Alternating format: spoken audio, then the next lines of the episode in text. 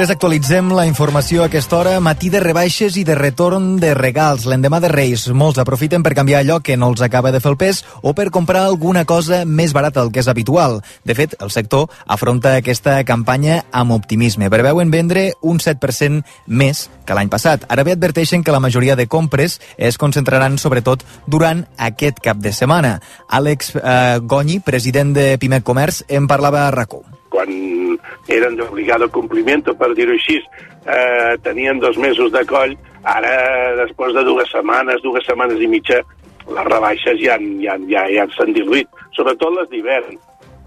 Mentrestant, els petits comerços juguen amb desavantatge i adverteixen que en molts casos es veuen obligats a aplicar menys descomptes del que és habitual per la pressió de les ofertes en línia i les grans cadenes. Avui, que el món del periodisme diu adeu a Toni Batllori, l'il·lustre dibuixant que des de fa més de 30 anys publicava cada dia la tira còmica Ninots a La Vanguardia. Batllori patia un càncer, però mai va deixar de treballar. A mort als 71 anys i avui periodistes i polítics el recorden per l'humor i per la mirada crítica que el caracteritzava. I els ciutadans dels Estats Units a aquesta hora es lleven amb nou president a la Cambra de Representants. Kevin McCarthy finalment ha aconseguit, aquest matí, hora catalana, superar el bloqueig del sector més radical del seu partit, els republicans, que l'han escollit president. Ho han fet després de 15 votacions en només 4 dies. I als esports, el Barça jugarà els vuitens de final de la Copa del Rei al camp del Ceuta Quim. Sí, el sorteig s'ha fet aquest migdia i han parellat l'equip blaugrana amb l'únic equip de primera federació, la tercera tercera categoria del futbol espanyol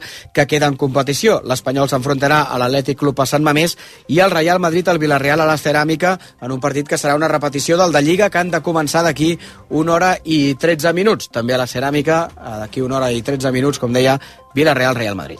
I acabem amb el temps. Martí Oliveres, actualitza'ns el canvi que arribarà aquesta mateixa nit. Sí, és un front que arriba des de l'Aragó i el Pirineu francès i que escombrarà el país d'oest a est aquesta matinada.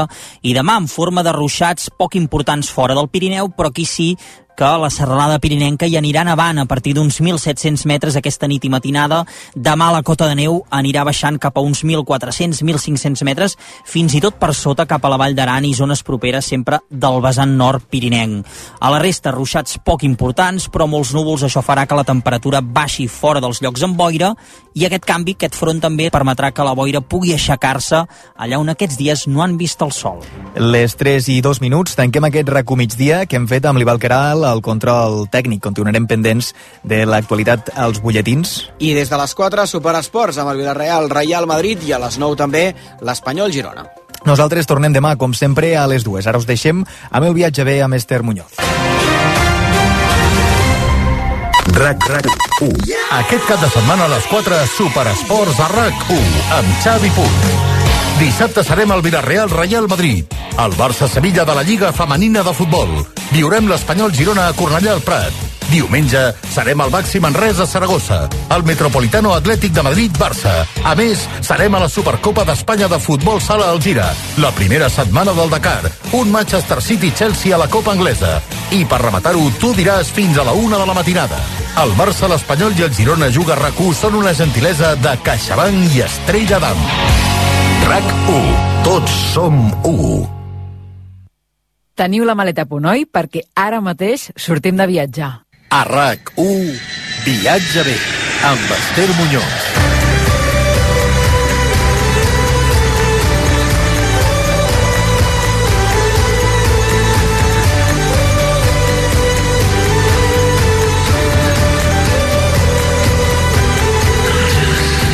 Bona tarda i benvinguts al primer viatge bé del 2023, al programa de viatges de rac Com prova el nou any? Heu fet alguna escapada aquest Nadal? Us han portat algun viatge als Reis d'Orient? Nosaltres comencem el 2023 amb un viatge gastronòmic a la Patagònia Argentina de la mà del xef Pablo Lagrange, del restaurant La Textil Collective de Barcelona. Serà el primer avió que agafarem perquè el segon ens portarà a Lapònia. Sí, sí, perquè allà durant tot l'any podeu visitar el Pare Noel i és el que farem amb la periodista Helena Merín, que també ens recomana aquest viatge per veure aurores boreals. Preparats per les nostres escapades? Doncs embarquem.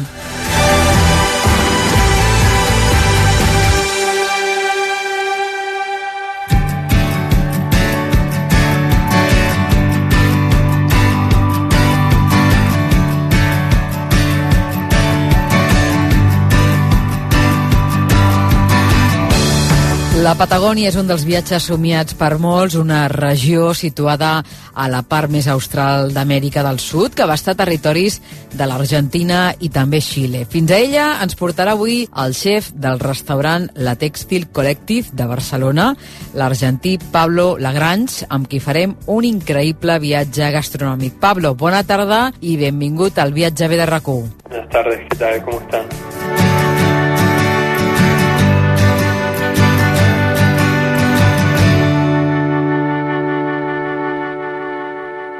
Bé, el primer que vull saber, Pablo, és què significa per tu la Patagònia. No? Aquí tenim molts oients que somien, com dèiem, en, en conèixer aquesta part del món. Tu que hi has estat, per tu què és?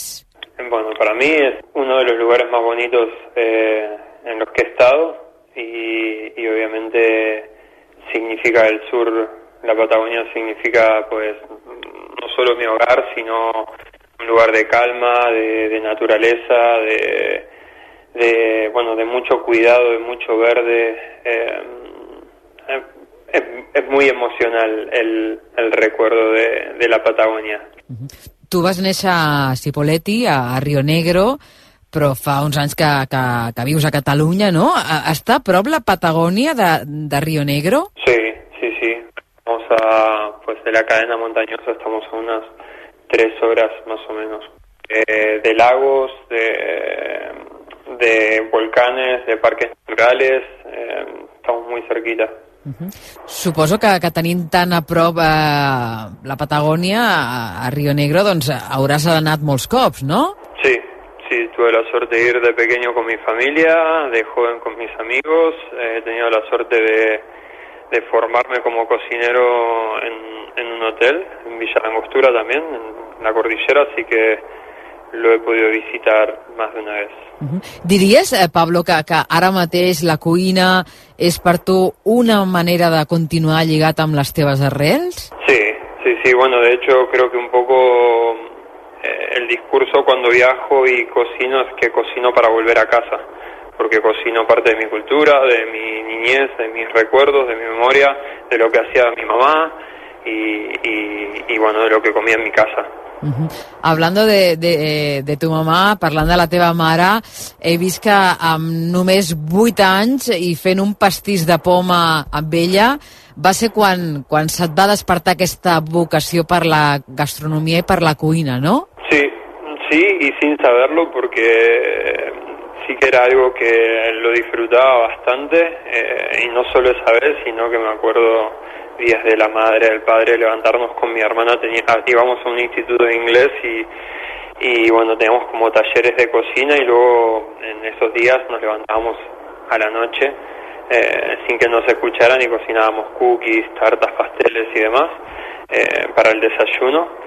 Eh, pero no le había prestado atención hasta que pues estaba un poco perdido en mi juventud, eh, no, o sea, perdido en el sentido de que no tenía muy claro qué hacia dónde ir. Uh -huh. y, y, bueno y entré en un viaje de mochilero por Bolivia con mis amigos. Eh, sentí un poco esa adrenalina de viajar de salir de casa de irme tan lejos. Y al principio la cocina fue conectando puntos fue como el recurso o el medio para, para poder empezar a viajar. Y luego pues obviamente eh, me enamoré del oficio eh, y me empecé a especializar y empecé a darme cuenta que, que, bueno que era una manera en realidad no solo de viajar sino de, de poder expresarme de poder contar un poco lo que lo que lo que yo veía Uh -huh. De fet, com explicaves, eh, la cuina ha estat el, el mitjà eh, que t'ha permès viatjar, que t'ha permès conèixer cultures, costums, això sobretot fins que vas fer 27 anys, eh, quan, quan vas ser pare i aleshores vas decidir quedar-t'hi a, a Sant Cugat, a Barcelona, i aquí doncs, també vas aconseguir la, la, la teva primera feina com a cap de cuina, no? Fins aleshores, com ens explicaves, havies estat un autèntic nòmada, no? Eh, fins a quins països eh, t'ha portat la teva feina, Pablo? I, i com t'ha influït eh, tot aquest món que tens, aquestes destinacions on has estat en la teva proposta gastronòmica? Eh, me sigo considerando nomade. Es verdad que pues a los 18, 19 años empecé a viajar. Eh, bueno, piensa que yo soy del sur, para estudiar me fui a, Buenos Aires, que son 1200 kilómetros para el norte. Eh, y bueno, eso fue como un poco el primer, ¿no? El desarraigo y un poco el, primer choque eh, de realidad. Eh, y luego empecé, sí que empecé a viajar, tuve la suerte de vivir en Estados Unidos, en Chile, hacer temporada en Uruguay, viví en Copenhague, en Italia, viví en el País Vasco, dos veces en Barcelona. Y sí que es verdad que en algún momento pues sucedió esto de ser papá. Em, y bueno, mi bandera hoy es, es mi hijo y está en Cataluña y no me voy a mover de aquí, pero sigo buscando la manera de poder seguir viajando eh, puntualmente para bueno poder seguir ¿no? con, con un poco con, con esa misma dinámica de, bueno, de seguir conociendo i de seguir ampliando conocimiento. Uh de tots els llocs del món on, on hi has anat, hi ha algun que impactat especialment? Todo, yo creo que, a ver, tuve la suerte de estar en Asia, estar en el este, Europa y, y Sudamérica, bueno, en Norteamérica, y yo creo que de lo que yo he pisado, el este ha sido lo que más me, me, ha marcado. O sea, el este hablo de, bueno, de Rusia, Moscú, eh, San Petersburgo, Ucrania, Kiev, eh, Kazajistán, son, son, países, son culturas en realidad que, bueno, que son totalmente, viven en otra dimensión eh, a, a, a, lo que es el occidente, tal, tal vez un poco Istambul, Turquía, eh, lo es, pero creo que lo que más me, lo que más me impactó fue, digamos, eh, el este, porque se, se, vive como un paralelismo, ¿sabes? No, es una realidad paralela, o sea, tiene cosas parecidas, pero es totalmente distinto en, en, en tradición, en costumbres, en, en historia, eh, bueno, un poco en todo.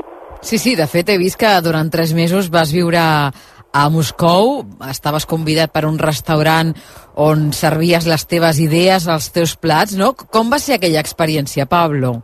La realidad ha sido difícil, eh, increíble, única. Eh, estaba en un país, primero que me fui a Moscú eh, en, en, época invernal, con lo cual estaba a menos 25, menos 30 grados. De unido. Eh, imagínate que teníamos en el, en el patio, en el jardín trasero del restaurante, teníamos las cámaras frigoríficas y teníamos eh, calentadores para mantenerla a 4 grados, porque el exterior estaba a menos 25. Eh, así que, bueno, más de una vez se quedaba la puerta entreabierta y se te congela a menos 25 grados. En dos horas se te congelaron las cebollas, las zanahorias, se te congeló absolutamente todo. Eh, y, bueno, y así hemos estado a 20 minutos de abrir un servicio con, con, prácticamente el 60% de la mise en place o de las producciones a menos 25 grados. Así que a veces al borde del precipicio y, otras no tanto. Eh, obviamente un, idioma completamente distinto donde eh, no, hay palabras que puedas relacionar, ¿sabes? no, no viene de la misma madre y, y bueno, de una cultura muy distinta. Yo la viví, o sea, gente amorosa, eh, una sociedad muy muy sufrida, una arquitectura también muy muy muy oscura, muy no, de la época comunista. Y bueno, y eso, con sus propias tradiciones, con su, con su propia manera, ¿no? De, de dinámica de relaciones y de vínculos. La verdad es que el ruso, cuando lo ves eh, o ves un, un, cocinero ruso ahí enfrente tuyo, impone porque... Impacta, impacta, ¿eh? ¿eh? Impacta, impacta, pero luego la verdad es que yo tuve la suerte de encontrarme con toda gente muy, muy, muy hospitalaria, muy bueno, muy, muy família, mm -hmm. saps? El que està clar és que allà on tu vas anar-hi, ja sigui l'Àsia, Londres, Ucraïna, eh, totes les eh, cuines de, de, dels racons d'Europa, de, de, de Moscou també, tu eh, feies d'ambaixador del teu país, eh, d'ambaixador argentí, no? Què, què explicaves allà on anaves de la cuina de, del lloc on has nascut? Mira, es lo que te digo, para mí cualquier, primero, a cualquier lugar que voy, siento que es una suerte eh, tener el espacio eh, para servir durante X tiempo una comida, una experiencia y ya te digo, o sea, transmitir un poco lo que, contar un poco mi, mi recuerdo o, o, sí, mi memoria y, y eso pues el transmitirlo también me hace volver a vivirlo, con lo cual para mí es, es, algo, es, es el motivo por el cual sigo haciendo esto y me sigo metiendo en miles de marrones en países de cualquier parte del mundo i no lo sé, o sea, és... És el teu, el teu esperit aventurer, no?, que, que eh, també s'ha de dir que aquí a, Espanya, no?, has estat a cuines tan emblemàtiques com les de Noma, Boragó, Mugaritz, eh, eh, Pacta i Relae. Aquí també, doncs, eh, portant tot el teu coneixement de la cuina argentina. En algún momento pues conectas todos los puntos y, y consigues, no sé, esa claridad o esa madurez para entender qué te aporta cada lugar. Yo siempre digo, lugares como Mugaritz, que son templos de, la vanguardia y, el pensamiento contemporáneo gastronómico, me enseñaron a pensar, y lugares como Noma, que, que bueno, que han sido los que han sucedido a, al Bui, ¿no? Y están hoy marcando un poco la tendencia y, el camino de, la gastronomía. Me han enseñado, digamos, la manera de, pues la manera de trabajar, de actuar, de tomar decisiones, ¿no? Entonces, al final, cada uno aporta un, i complexiza no, la personalitat dentro de l'ofici. Pablo, la bona notícia és que ara et tenim molt més a prop. Des del mes de maig del 2021 estàs a Barcelona com a xef del nou La Textil Collective, que és un establiment que és molt més que un restaurant, és un espai multifuncional on podem degustar les teves elaboracions amb el foc, com a element central. Uh, això està al, al carrer Cas, on trobem un bar i darrere d'unes cortines de vellut negre s'hi accedeix a una immensa sala d'aires industrials on al mig hi ha la cuina a la vista, on tu i el teu equip, Pablo, elaboreu en directe els diferents plats de la carta. No? M'agradaria que, que expliquessis als oients com és treballar d'aquesta manera. Vindria a ser com representar una obra de teatre, no? com actuar davant de l'espectador? Vindria a ser això? Sí, sí, sí. Estás completamente expuesto eh, al comensal, con lo cual todo lo que estás haciendo, todo el proceso y, y el tratamiento de lo que estás lo que tenés en tus manos se está viendo. Al mismo tiempo es un lugar, como decís, ¿no? con aires industriales. Creo que nosotros también tenemos un poco esa energía de, vivir el oficio y la industria ¿no? Como, muy a flor de piel, con lo cual también no solo ves lo que está pasando por las manos y por el fuego, sino que también ves la realidad de una cocina que está dando de comer a 80, 90 personas que, que vibra ¿no? con una, una intensidad y una velocidad, eh, bueno, que, que, no, es un, es, no es un ballet, ¿sabes? Creo que es perfectamente imperfecto y creo que o sea, hay mucho caos dentro de, de eso que se ve desde, desde una mesa o desde la barra de, del restaurante, pero al mismo tiempo, bueno, es como que entona muy bien con, con tot l'entorn. Realment, pels que ens agrada la, la bona cuina, eh, és un, tot un espectacle, perquè és, és una experiència molt, molt diferent a la resta. A vosaltres també us agrada sentir-vos observats? Sí, sí, sí. Eh, en realidad, no, no sé si estoy todo el tiempo pensando que eh, nos están observando, pero sí que es un, es un poco, sirve como eje para, para ordenarte para mantener la, la cabeza limpia, la, la, la, cocina limpia, el, la organización, el orden y seguir la estructura y la línea todo durante las tres o cuatro horas que estamos sirviendo comida, pero al mismo tiempo también me da la posibilidad a mí de observar constantemente y es un poco mi trabajo observar la reacción de, de todo lo que servimos.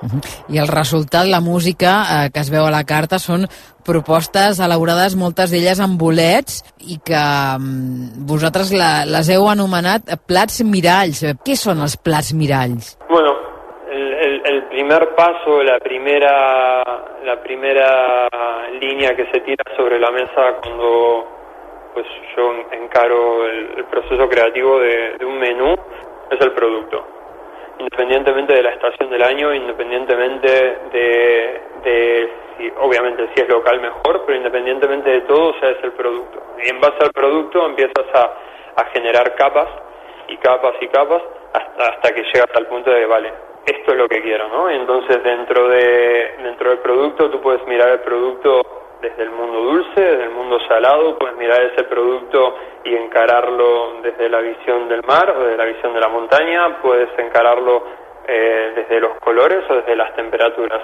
Y bueno, y obviamente también tratamos de reutilizar absolutamente todo lo que usamos eh, y buscar la sostenibilidad máxima del producto y no solo el producto, sino también de la mano de obra. O sea, cuando yo tengo un equipo de tres cocineros cortando una seta durante una hora, pues, o sea, eso hay que hacerlo sostenible, ¿no? Entonces necesitamos darle todo el valor que podamos y que encontremos y, y, y que, y que, que, que, creamos que es justo, ¿no? Para también con nosotros mismos, para cuidarnos a nosotros mismos. Entonces, un poco el espejo habla de eso, ¿no? De, de tratar de ser racional, de utilizar el producto y nosotros vimos, en, por ejemplo, la Z, eso, que podíamos hacer el mismo plato desde el mundo dulce, desde el mundo salado, usando exactamente los mismos ingredientes, pero dándole una perspectiva u otra.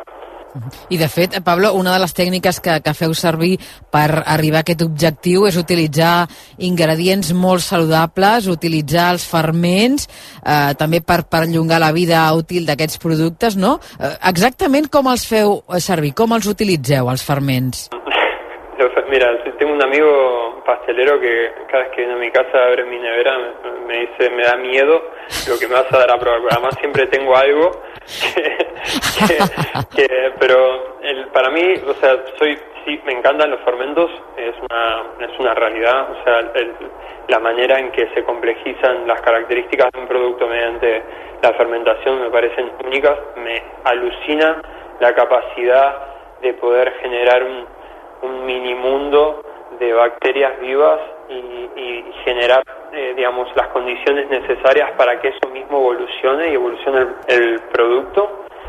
Y a partir de ahí, pues creo que es algo, o sea, la fermentación es algo que ha estado siempre, ahora está muy de moda, sabemos que está comprobado que, que nos hace bien al cuerpo y creo que la fermentación hoy en día, a, a mí personalmente, ponerla en un menú no solo me hace bien y sé que hace bien a la hora de digerir, a la hora de, de probar cosas nuevas, sino también alimenta la cabeza, ¿no? Porque creo que cuando uno se siente bien comiendo algo, no solo es, no, no solo estás alimentando, pues, el, el, placer y la satisfacción de lo que estás probando y que te gusta, sino que también pues estás alimentando la cabeza, el concepto y, y un poco el alma, ¿no? Entonces, la fermentación ha estado siempre en nuestras vidas, ha marcado un antes y un después. Eh, de hecho, así nace todo, ¿no? O sea, el, el fuego ha marcado un antes y un después en la evolución de, del ser humano, de la especie, nos ha puesto por encima del resto de las especies, nos ha dado luz,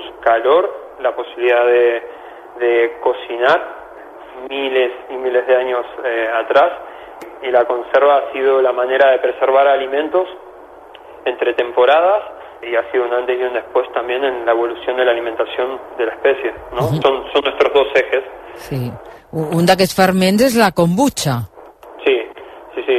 Las kombuchas vinieron de mi casa y hoy por hoy un, nos sirven para fermentar fermentamos té, fermentamos jugos de frutas, hacemos vinagres, estamos empezando ya a hacer un poco el desarrollo de, del siguiente paso de la gastronomía y una de nuestras ideas es empezar a, a trabajar esto que es la temporalidad, ¿no? que es como decir, vale, siempre estamos con el producto local y de estación, que es hoy hay tomate y te sirvo el mejor tomate, pero yo ahora voy a buscar que tú te puedas comer el mejor tomate en cualquier momento del año. Y eso lo va a hacer pues una kombucha o un koji o un micelio de alguna otra de algún otro producto subproducto, o sea, vamos a buscar la mejor manera durante bueno, estos próximos tres meses de, de poder tratar también un poco los productos como se tratan al vino, ¿no? Es decir, bueno, yo lo meto en una barrica, lo meto en una, en una botella y es mi tomate cosecha tal que te lo comes X tiempo después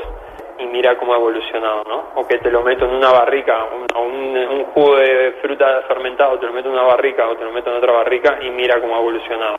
Uh -huh. uh, com ens deies, la cuina d'aprofitament és part de la vostra filosofia, uh, voleu que tot sigui molt sostenible i, a més a més, com ens deies, gairebé tots els productes que teniu s'elaboren de zero, fins i tot el pa el feu vosaltres mateixos. Sí, sí, sí. Estamos estrenando un pan nuevo en la carta. Lo hace Ricky, panadero estrella. Y es un pan que nace, en este caso, nace de un, bueno, de, un recuerdo de, ir a lo que nosotros llamamos en Argentina chacras, que serían al campo, de ir con mi mamá al campo, a, a los campos de, manzanas y de ciruelas, a, a, comprar la fruta, que era, salía más barata que en el supermercado y siempre pues encontrabas ¿no? al hombre que había pues trabajado la tierra con un fuego, un mate o sea, me acuerdo sus manos, ¿sabes? todas secas y de, de, de, haber trabajado y un pedazo de pan. Y generalmente eran panes que se hacían con grasa, con grasa bovina, grasa de animal. Y nosotros, bueno, teniendo la suerte de tener un ahumador y trabajar carnes a, ahumadas a bajas temperaturas, pues empezamos a recolectar toda esa grasa y bueno, y salió la idea de decir, bueno, hagamos un pan y usemos la grasa del animal y hagámoslo al fuego y hagámoslo cuando la persona llega y se sienta en la mesa, ¿no? Para impresionante, que, impresionante. Para, para que puedan sentir lo que yo sentía cuando alguien que no conocía en, en, un campo me partía un pedazo de pan y me lo daba como, toma nene, come, ¿sabes? Sí, sí. Y bueno, y por eso también es una manera para nosotros el pan es, un plato más, no es un acompañamiento y, y lo servimos eh, para compartir. Es, es, una manera de hacer que el comensal también pase por ese momento de coger el pan con las manos, tal vez quemarse, sentir el crujiente, tener que romperlo, ¿vale? Y, y estar, o sea, estar sintiendo ese producto con todos los sentidos, porque cuando lo rompes sale el olor a humo y luego tú tienes tú, quien parte el pan, tienes la potestad, digamos, ¿no? O el, el poder de, de, decidir qué pedazo quedas tú y qué pedazo compartes con la persona que tienes al lado sí, y sí. estás compartiendo esa noche, ¿no? Entonces me parece como un trasfondo y un juego muy bonito eh, que está todo el tiempo llevándonos, ¿no? A lo que realmente es la gastronomía, que es és cultura i compartir. Quina sensació més meravellosa, i a més a més que ens ho estiguis explicant d'aquesta manera, no? perquè una altra de, de les coses que, que són meravelloses eh, d'aquesta experiència és que, que, que tinguem a tu, no? com a xef, explicant tot això amb tota mena de detall. No? I una cosa que també m'ha cridat molt l'atenció, i és que les tiges que s'obren eh, a l'hora d'elaborar els, eh, els olis verds, no? també els utilitzeu, també els reaprofiteu. Sí, sí, utilizamos todo. O sea, hacemos hacemos un chimichurri de hierbas frescas, como le digo yo, que es, utilizar, bueno, entre, otras cosas, también hacemos jugo de tallos para terminar de, sazonar jugos de frutas. Licuamos, por ejemplo, jugo, eh, tallos de perejil y a, un jugo de kiwi o de manzana le pones cuatro gotas de esa esencia de perejil y lo amplificas aromáticamente muchísimo más, ¿no? O un kiwi o una manzana pues le están dando la acidez, el sabor ese, ¿no? Del azúcar, la pectina pero no lo están no lo están aromatizando. Y pues eso es y es sutil, ¿eh? o sea, es algo sutil y viene de algo que pues sí que tirarías, también lo usamos, los solo los uso para hacer caldos, a los caldos de carne, caldos de pollo, les tiro, siempre cocino un, una parte de verduras, las caramelizo bien, que son lo que les van a dar el dulzor y luego hay otra, hay otra parte de verduras eh, o de hojas o de hierbas que las pongo en fresco para que den ¿no? ese aroma y, y, que en el caldo se sienta que no es todo rustit, sino que hay una parte herbácea y fresca. Y el chimichurri es lo mismo. Son realmente también, son horas de trabajo de muchos cocineros picando manojos y manojos y manojos de tallos de perejil, o sea, previamente habiéndolos deshojado durante varias horas también, ¿no? Para hacer aceites.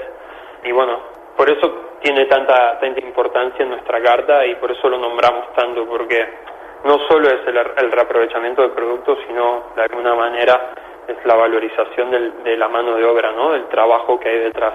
És una feina artesanal i, a més a més, eh, també científica. He llegit que, que tu t'anomenen l'inquiet científic de, de, del menjar i no m'estranya, Pablo, eh? perquè espero que els nostres oients hagin dinat ja, perquè aquesta entrevista s'està fent irresistible, eh? Déu-n'hi-do, eh, sentint-te parlar, sentint-te enraonar. Escolta'm una coseta, hem parlat de, del menjar, però obrim un altre calaix, que és el calaix de, del restaurant La Textil Collective de Barcelona, eh, perquè eh, també tenim una nova carta de vins amb referències locals, alemanyes, franceses i sobretot, sobretot, les cerveses, les cerveses artesanals que s'elaboren, a més a més, al propi establiment, no? A mi m'agradaria que m'expliquessis a quina part del local es fan, s'elaboren aquestes cerveses. On, sí. on es fa aquest? Bueno, eh, o sea, es, digamos, todo esto nació a base de, de, bueno, de, de, Brian, que es el Brian eh, Blasek, que es el dueño y un poco el artífice de todo este proyecto y él y sus ganas de hacer cerveza, esa es la realidad. Eh, obviamente, como todo, le fueron poniendo capas y le fuimos poniendo capas hasta llegar a lo que ha sido o a lo que hemos denominado la textil collective.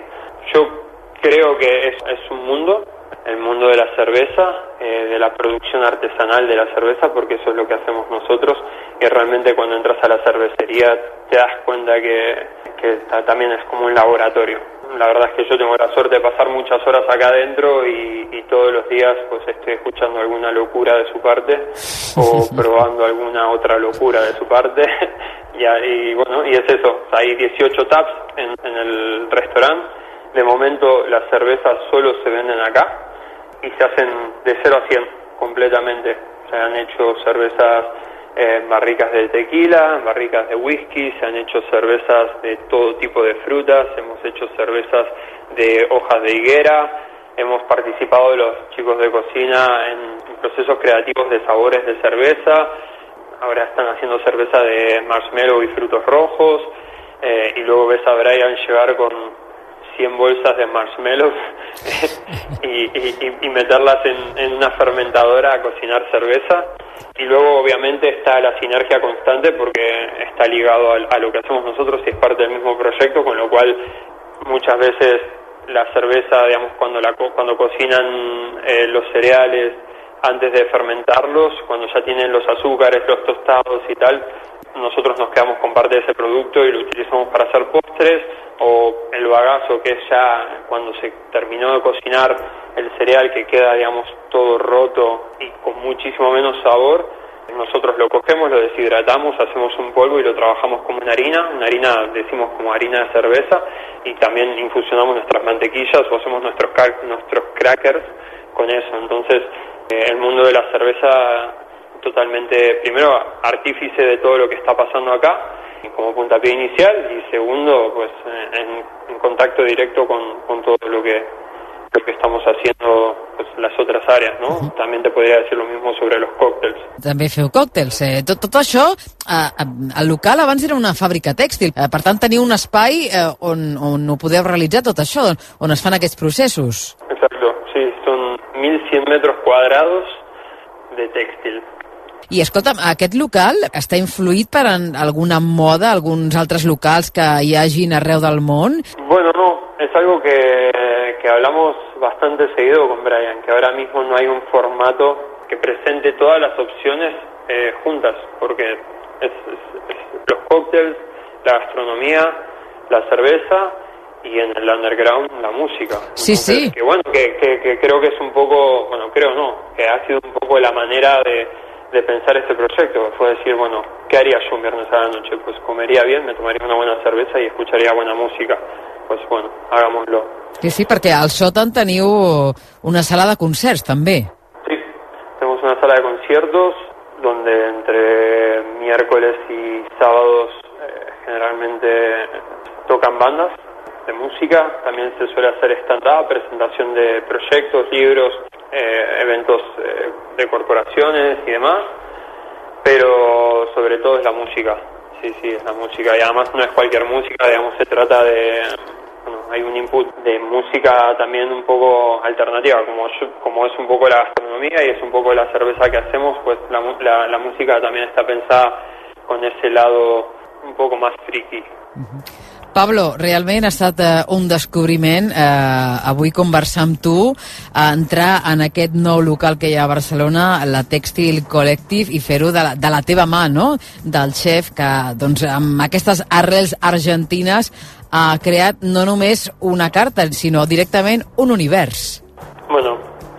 Te agradezco, ha sido un placer. Siempre creo que es, es una suerte que poder, poder, poder poner alguna idea o algún trocito de todo lo que hacemos y nuestro esfuerzo enfrente de alguien y que alguien pues no solo lo, lo disfrute, sino que que lo comprenda, no? I, I sobretot, una de les coses que més m'agrada és eh, com el fet de viatjar i el fet de, de, de tenir uns orígens ha influït no, en tot això que fas a dia d'avui.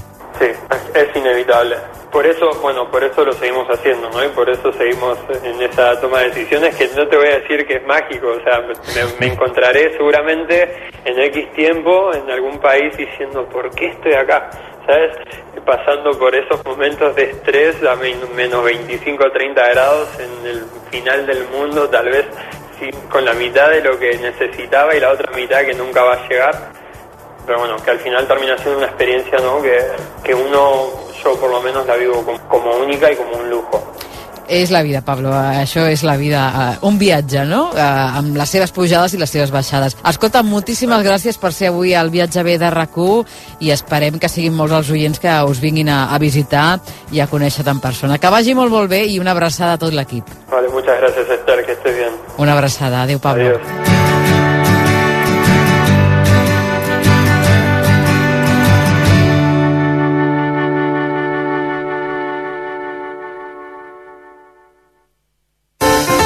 Emporta't amb l'avantguàrdia dues olles Facile Duo de Bra valorades en 150 euros de regal. Subscriu-t'hi per 33 euros al mes i emporta't una olla a pressió, un cistell per cuinar al vapor i una olla amb tapa de vidre. Truca ara al 933 481 482. Rep el diari cada dia i estalvia temps i energia amb les olles de Bra. Mundo Deportivo amb la Copa CEP. Ja està tot a punt perquè cadets i juvenils es juguin la fase final de la Copa CEP del Consell de l'Esport Escolar de Barcelona els pròxims 14 i 15 de gener. Vine a viure les finals de futbol, bàsquet, handbol i voleibol al complex esportiu municipal de la Mar Vella. Mundo Deportivo, diari oficial. RAC RAC 1. Aquest cap de setmana a les 4 Superesports a RAC 1 amb Xavi Puig. Dissabte serem al Villarreal Real Madrid. El Barça Sevilla de la Lliga Femenina de Futbol. Viurem l'Espanyol Girona a Cornellà al Prat. Diumenge serem al Baxi Manresa a Saragossa. El Metropolitano Atlètic de Madrid Barça. A més, serem a la Supercopa d'Espanya de Futbol Sala Algira. La primera setmana del Dakar. Un Manchester City-Chelsea a la Copa Anglesa. I per rematar-ho, tu diràs fins a la una de la matinada. El Barça, l'Espanyol i el Girona Juga rac són una gentilesa de CaixaBank i Estrella d'Am. RAC1. Tots som 1. RAC1. Només els caps de setmana vi vi via lliure. El Basar de les Sorpreses. Il·lustres execrables. Genís Roca. Cuina amb Mireia Carbó i Pere Puigverd. No em vinguis amb històries. L'embalat de Mosennin. Amb Xavi Bundó. RAC1. Tots som 1. RAC més 1 presenta... Emili Solsona, jubilat, i Laureà Lledó, 40 anys i vivint amb els pares. Tots dos formen un equip d'investigació criminal que busca casos on no n'hi ha. Crits, un podcast que posarà foscor a la llum. Cada setmana un cas a l'app de rac i a rac I divendres la resolució al versió RAC1. Crits, amb el suport d'Òptica i Audiologia Universitària per a joves d'un a 100 anys. A RAC1 Viatge bé, amb Esther Muñoz.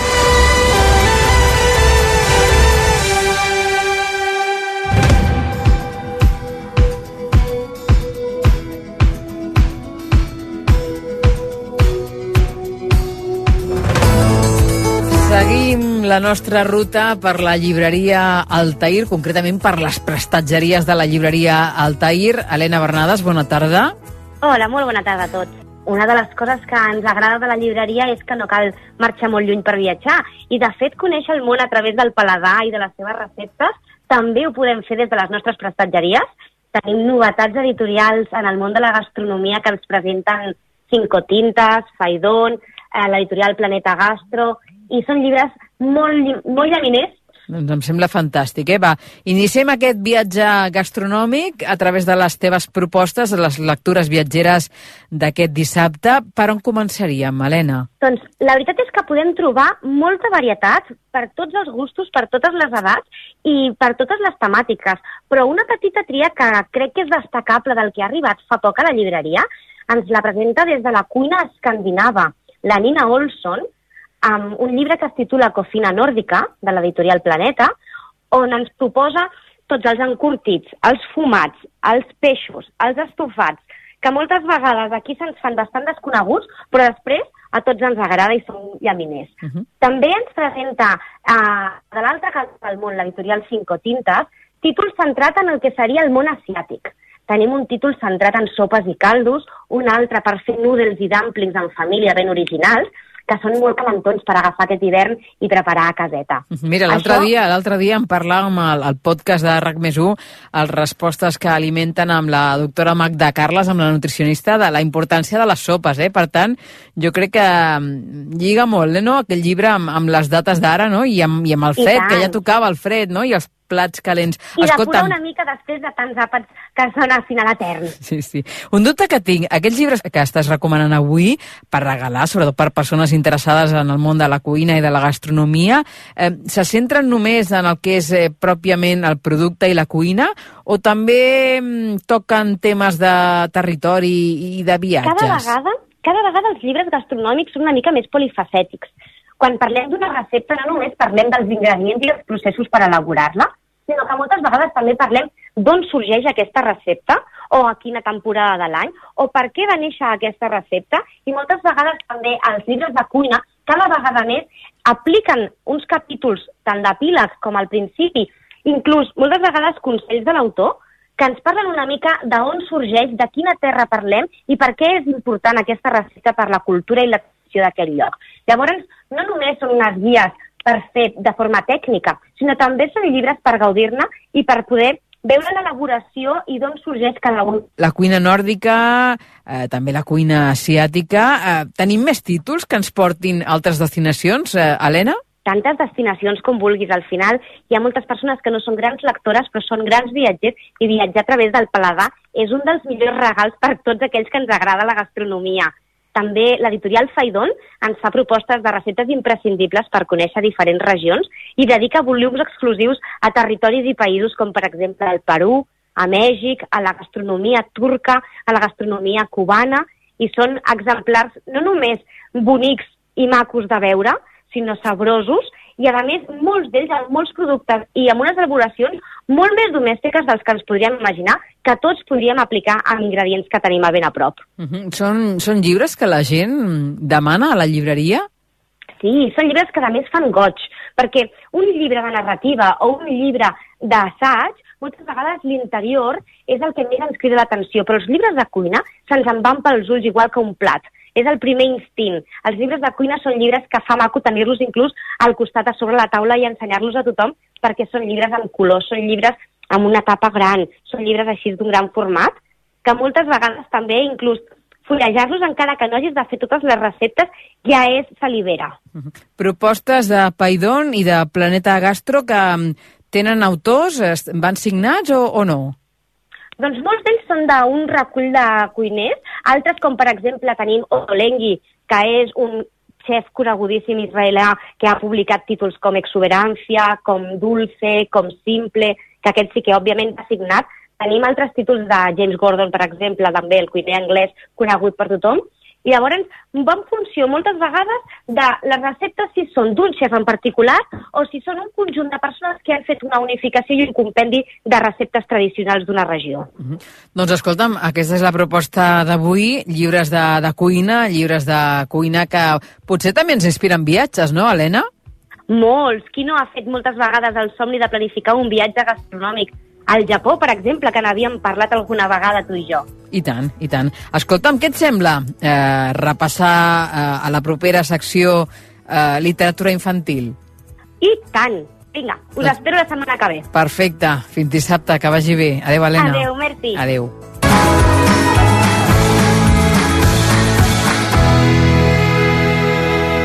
I ara Vueling ens porta volant al Club Viatger. Descobrim quines són les últimes novetats sobre viatges.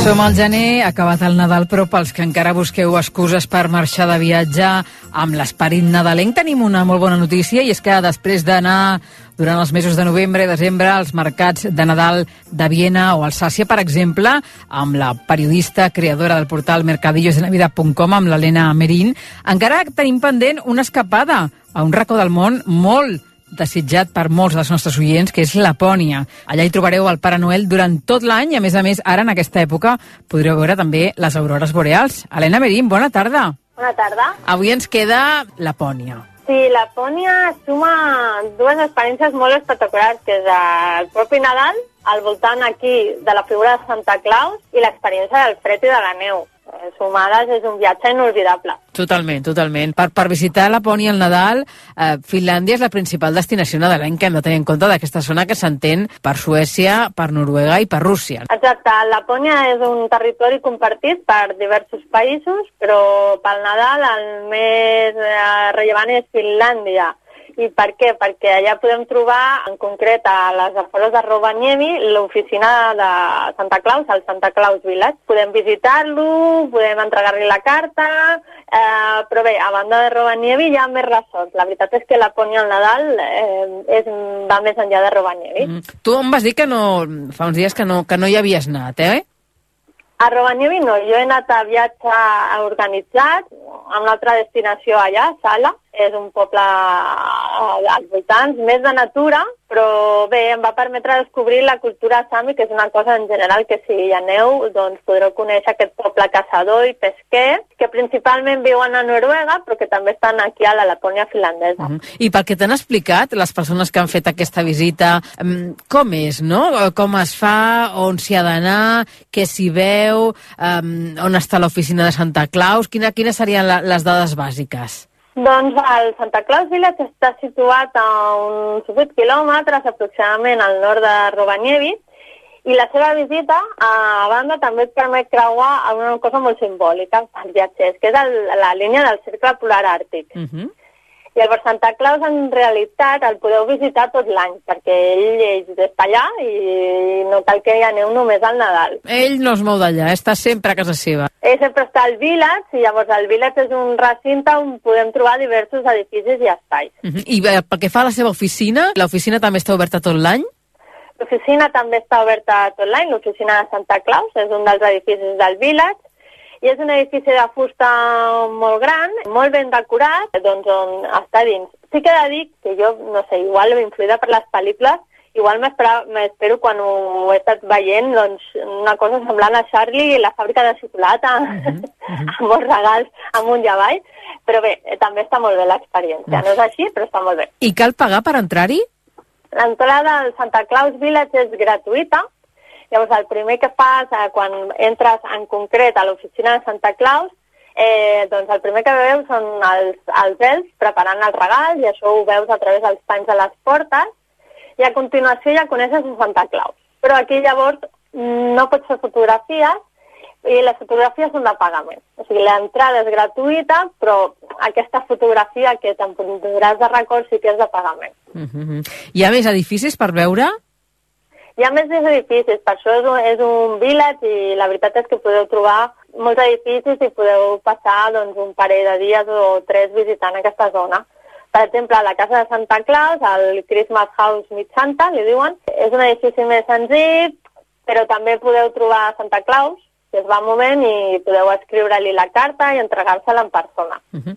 Sí, perquè tenen la, la seva pròpia oficina de correus. Exacte, té l'oficina de correus de Santa Claus, que està en un altre edifici, i des d'allà podeu enviar una carta amb el segell especial del Cercle Polar Àrtic. Podeu trobar molts dissenys de carta per escollir i també fins i tot del disseny del tipus de segell. I en aquest recinte que tu ens explicaves hi ha també botigues, hi ha restaurants... Eh, què és el més destacat d'aquest complex? Doncs això, és, um, en podeu trobar, com dius, llocs per anar a dinar, per anar a sopar, i també hi ha altres edificis. La veritat és que n'hi ha, ha bastants. Un altre destacat és, per exemple, la casa de la senyora de Santa Claus, que estan aquí al Rens, o al Santa Park, que és un altre espai amb moltes activitats a l'interior, ja que, clar, òbviament a Roganievi doncs, fa fresca, sobretot al Nadal, però aquí els elfs us acompanyen a, a totes aquestes activitats. Mm -hmm. També ens deies i ens recomanaves creuar el cercle polar àrtic. Sí, de fet és una de les primeres coses que segurament fareu si visiteu Roganievi. Hi ha una línia marcada al terra i llavors la podeu gravar i la gràcia és que tenen una càmera web que està contínuament emetent a través del web per tant, si hi ha neu i, jo què sé, un familiar us queda, es queda a Barcelona, us pot veure en directe com creueu el, la línia del cercle polar. Queda aquest record per sempre. Escolta, Malena, eh, hem anat amb la primera visita a Lapònia. No són ben bé mercats de Nadal com en altres ocasions, sinó que és aquesta visita doncs, a la casa del Pare Noel, però a Finlàndia s'ha de dir que tenim altres opcions de Nadal, no? Quines serien? Doncs podeu gaudir del Nadal i també de Santa Claus, com deia, en altres llocs més enllà de Rovaniemi, o sigui, a, a Lapònia hi ha com molts resorts d'hivern. Jo, per exemple, vaig anar al de Saya, que és un, del resort, és un resort que li diuen in the middle of snowwhere, perquè al voltant doncs, eh, era tot boscos. En el, en el mig del no-res, vaja, no? En el mig del no-res, una mica jugant amb la snow i, i, i nowhere. Llavors, aquest en concret, per exemple, estava al costat d'una pista d'esquí. Eh, N'hi ha molts pobles així, per exemple, recordo Kusamo, que és molt semblant. I llavors, um, aquí, doncs, uh, podeu aproximar-vos a la cultura sami i també fer excursions a, a, a esquiar a les pistes d'esquí que hi ha als voltants. Uh -huh. Es poden fer passejades en moto de neu i també en trineu. Exacte, són aquestes activitats relacionades que podeu trobar a Lapònia. És un territori a la Lapònia finlandesa on hi ha molts llacs, també hi ha motos de neus pels nens més petits, o inclús passejos amb trineu amb huskies o rens, que és una tradició del poble sami. Uh -huh. Us recomano que consulteu opcions sostenibles o que bé simplement doncs, podeu visitar el Render Park on podeu veure els rens a l'aire lliure. Uh -huh. I escolta'm, aquí també podem visitar a Santa Claus? Exactament, Santa Claus eh, es va movent i llavors, a banda de l'experiència de Robanievi, doncs, per exemple, tant, si aneu per, potser més en viatge organitzat, podeu visitar-lo a la seva cabanya al, al bosc. Jo recordo que va ser com jo el vaig conèixer, vaig anar amb moto de neu fins a la seva cabanya i vaig entrar allà en persona, en grup reduït, i la veritat són experiències que també són menys, potser menys massives o menys conegudes que el Santa Claus Village, perquè són molt entranyables. Uh -huh. En quina època vas anar-hi tu, Helena? Jo vaig anar al desembre, a finals de desembre. Uh -huh. Clar, jo abans em preguntava, no?, si dius que ell hi és tot l'any, eh, potser mm, seria més recomanable sortir del mes de desembre i anar en, en alguna altra època que no estigui tan massificat, no? Tu com ho veus? Penso que, que sobretot també menys massificat Rovaniemi en concret, perquè ja et dic a Saia hi havia poca gent, i també una mica més econòmic, i al final el que li fa gràcia a tothom és veure Santa Claus i que et rebi a la seva oficina o enmig del bosc, podeu anar en qualsevol època de l'any. Uh -huh. Escolta'm, com va ser la teva experiència amb el fred a Lapònia, a Finlàndia, a, al mes de desembre? Va ser dura o què? Va ser, va ser curiós, a mi em va agradar molt, però perquè o sigui, aquesta pròpia experiència del fred t'impacta moltíssim. L'hivern boreal té molt poques hores de sol al dia. Jo recordo que potser estaria de dia cap a les 10 i mitja, 11, i tornava a fer-se fosc a les dues del migdia. Sí, molt poques hores. Llavors, és en aquestes hores quan fas les activitats a l'aire lliure. Per exemple, esquiar sí que ho podeu fer quan es fa fos perquè moltes pistes d'esquí s'il·luminen, però hi ha moltes altres activitats com les motos de neu que es fan en aquestes hores en què hi ha llum. Uh -huh. I escolta'm, eh, pel que fa a allotjaments, algun en concret que et credés especialment l'atenció? Doncs com um, hem comentat, doncs allotjaments en podeu trobar molt tipus. Hi ha cabanyes, que a mi, jo no vaig estar en una cabanya, però eh, la veritat cabanes, és que no? Les cabanes. Cabanes. Sí, hi ha cabanes, però també hi ha apartaments. Apartaments normals, però a Finlàndia, a la zona, aquesta zona de Lapònia, és molt comú que, doncs, que el teu allotjament, que pot estar, per exemple, a Saya, a Kusamo, doncs també tingui sauna dins. Ah, mira. Llavors tu doncs, arribes després de tot un dia d'estar fora i llavors encens la sauna i estàs un ratet a la teva habitació. Sí, sí. Eh, fent una mica de descans i gaudint de, de l'escalfor. I escolta'm, eh, per, per eh, conviure-hi amb el fred, no? per no passar fred a Lapònia, eh, et donen algun tipus de roba especial i has d'anar tu preparat des de casa, portar la maleta ben plena de- d'abrics i d'anoracs? Com, com ho vas fer? Això és molt interessant. Llavors heu de saber que moltes empreses que organitzen aquestes activitats allà, a Lapònia, solen oferir als seus clients un, una espècie de mono tèrmic i unes botes impermeables. Llavors, us podeu comprar un abric superbo, eh? però amb això ja us, us, us cuida molt del fred. Jo sota d'aquest mono tèrmic, que el portava gairebé tot el dia, doncs portava roba de llana o roba tèrmica. Uh -huh. I normalment en, en dues, tres capes. Val? Per, per una capa doncs, amb una ferreta tèrmica, després un jersei de llana. Llavors tu anaves combinant i així la veritat és que jo no vaig passar molt de fred. Sí, com una ceba, Llavors, no? Com una ceba i anar traient capes. Com una ceba, llavors, clar, a vegades pot ser que facis una activitat i et doni molta calor o, o que estiguis una mica, jo què sé, en un trineu una estoneta així com mm, parat i t'agafa una mica de fred, però bueno, sempre et donen com, com begudes perquè vagis entrant en calor. Perfecte.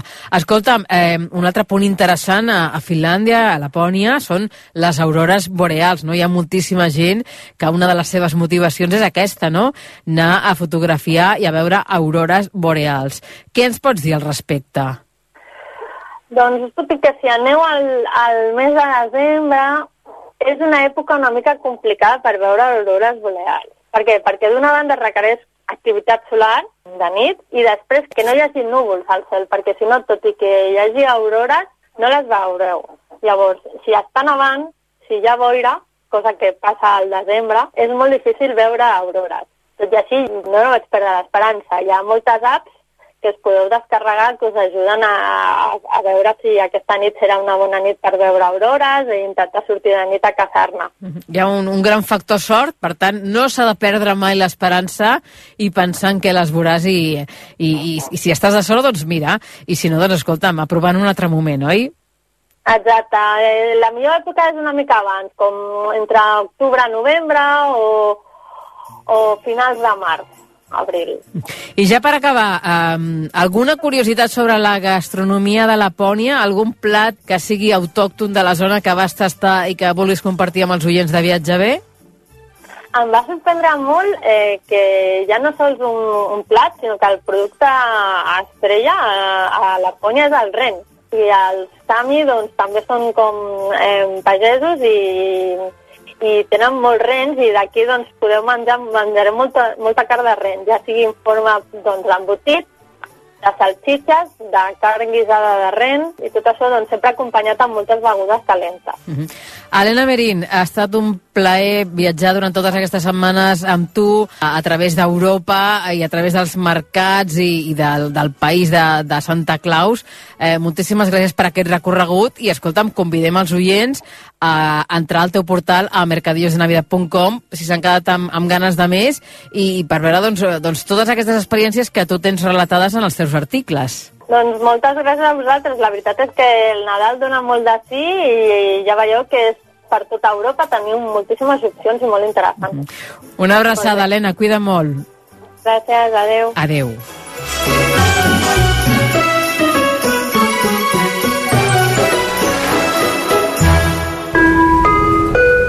Vueling informa. Consells i inspiració per al teu proper viatge. Troba la teva destinació ideal. Sol i platja, natura i rural, urbana i cultural. En família, Vueling et porta a ciutats d'Espanya, Europa, el nord d'Àfrica i el Pròxim Orient. Visita el web o l'aplicació, tria la destinació i cerca els vols que et vagin millor. Inspira't amb Vueling.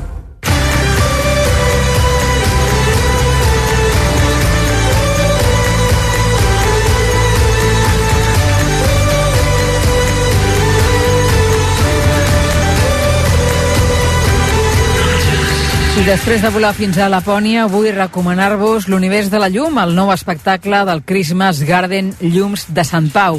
Noves instal·lacions en un viatge que portarà els visitants per planetes i galàxies amb un recorregut ampliat i diferent per gaudir en família. A més a més, fins al dia 15 de gener el teniu al recinte modernista de Sant Pau. Entrades als llums de Sant Pau Fins aquí la nostra primera escapada del 2023. Salutacions meves i del Josep Maria Cases a la realització tècnica, que acabeu de passar un molt bon cap de setmana i ens retrobem el proper 14 de gener a les 3 i 3 de la tarda. Que vagi molt bé. Senyores i senyors, en nom d'Ester Muñoz, gràcies per viatjar en Viatge B a rac i fins dissabte que ve.